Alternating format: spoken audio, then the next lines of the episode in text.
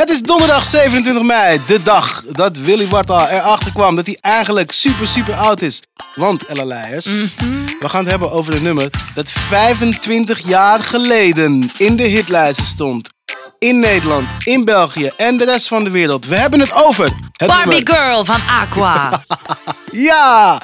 California Love van Tupac en Dr. Dre.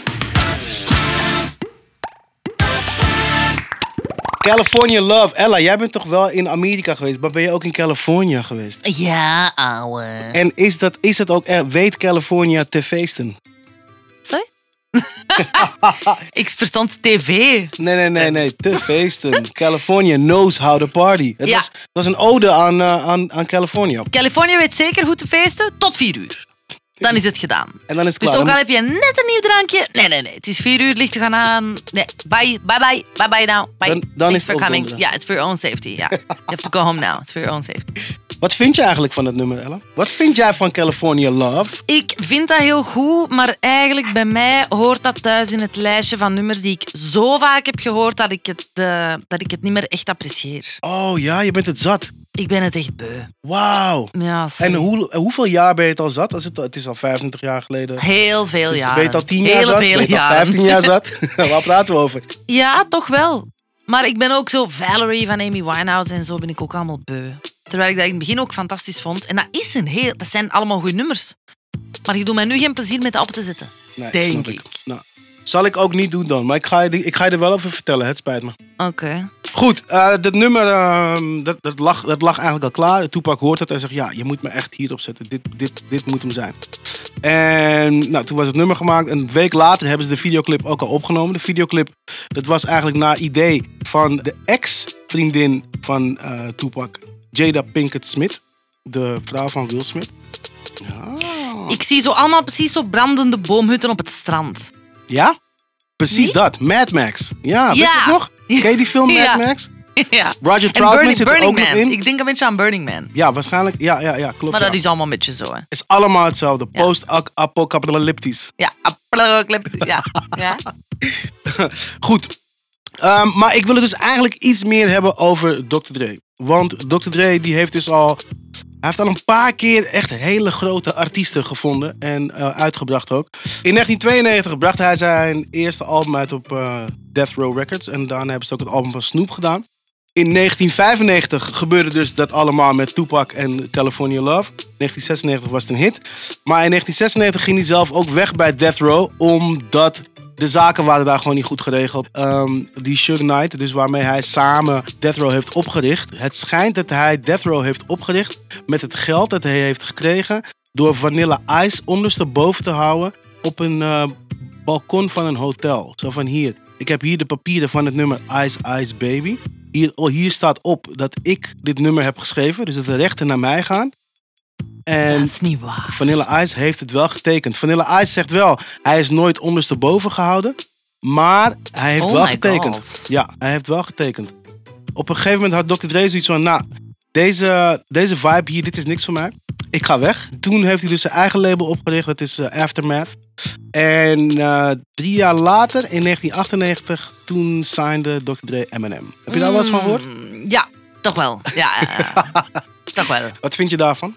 Ik vind dat goed. Ja, toch? Ja, ik vind dat heel goed. Ja, ik was ook heel erg fan van sowieso van de eerste twee albums. Derde album vond ik ook nog wel sick. Daarna is hij mij een beetje kwijtgeraakt. Maar het is wel Eminem. Ik weet ook nog waar ik was in 99 toen ehm, Slim Shady zo'n grote hit was. Ja. The Real Slim Shady. Ja, het eerste album was een Ja, we waren, ja. Ik was elf en we waren Erik of het Klein Insectenboek aan het repeteren in het amateurtheater van Lier. Wauw. Ja.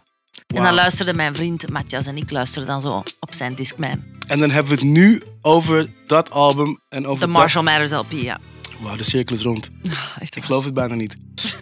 Daarna, dat was dus in 1999. Daarna in 2003 werd 50 Cent getekend. Ah, dat is juist. Kleine 50. Kleine 50, ja, die werd getekend. Dus dat was ook heel gek.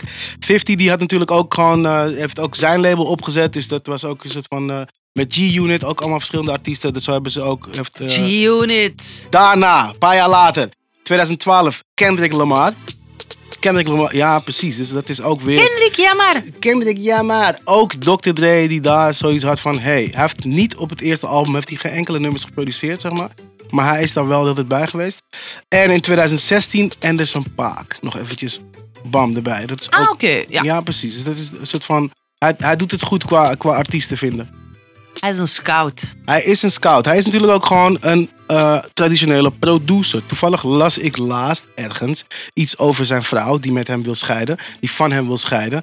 Eh, ehm, en toen werd hij de hele tijd omschreven als rapper. Dr. Dre de rapper. En hij rapt inderdaad ook wel eens. Maar hij is wel echt een producer. En het is ook helemaal niet echt een geheim of zo. Maar hij schrijft heel vaak zijn eigen teksten ook niet. Eh, dat, doet, dat doen meestal gewoon de andere mensen die op dat nummer ook staan. Eh, Jay-Z heeft ook wel veel, veel geschreven voor, eh, voor Dr. Dre. Nas heeft natuurlijk ook dingen geschreven. Je hebt een aan Mad Skills. Dat was in die tijd een hele... Met een S of een Z van Met een Z, heel Ah, scherp. ja, ja. Dat was in die tijd een hele bekende ghostwriter.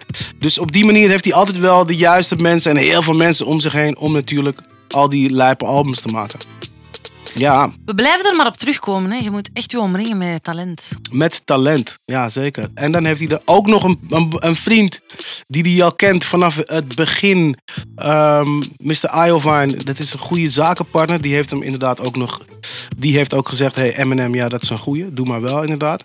En die kwam ook op het moment dat er mensen naar Dr. Dre toe kwamen. Zo van, hey, we gaan sneakers maken met jou. Want je, je moet gewoon soort van... You need to branch out, man.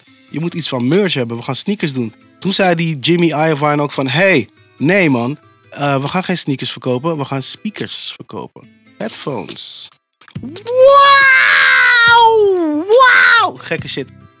Ja, en op die manier. Ja. En het is best wel sick, omdat je. Ik vind het altijd heel tof als mensen dan merch gaan verkopen. Dat ze dan. eh, ja, dan- dan bestellen ze ergens een t-shirt en dan bedrukken ze dat en dan zeggen ze: Ik heb merch. Maar het, het- dat soort dingen verkoopt altijd wel beter als mensen echt het idee hebben dat jij daar verstand van hebt. Als jij verstand hebt van hetgene wat je verkoopt. En Dr. Dre is gewoon een hele grote producer. En hij, hij ging dan ook.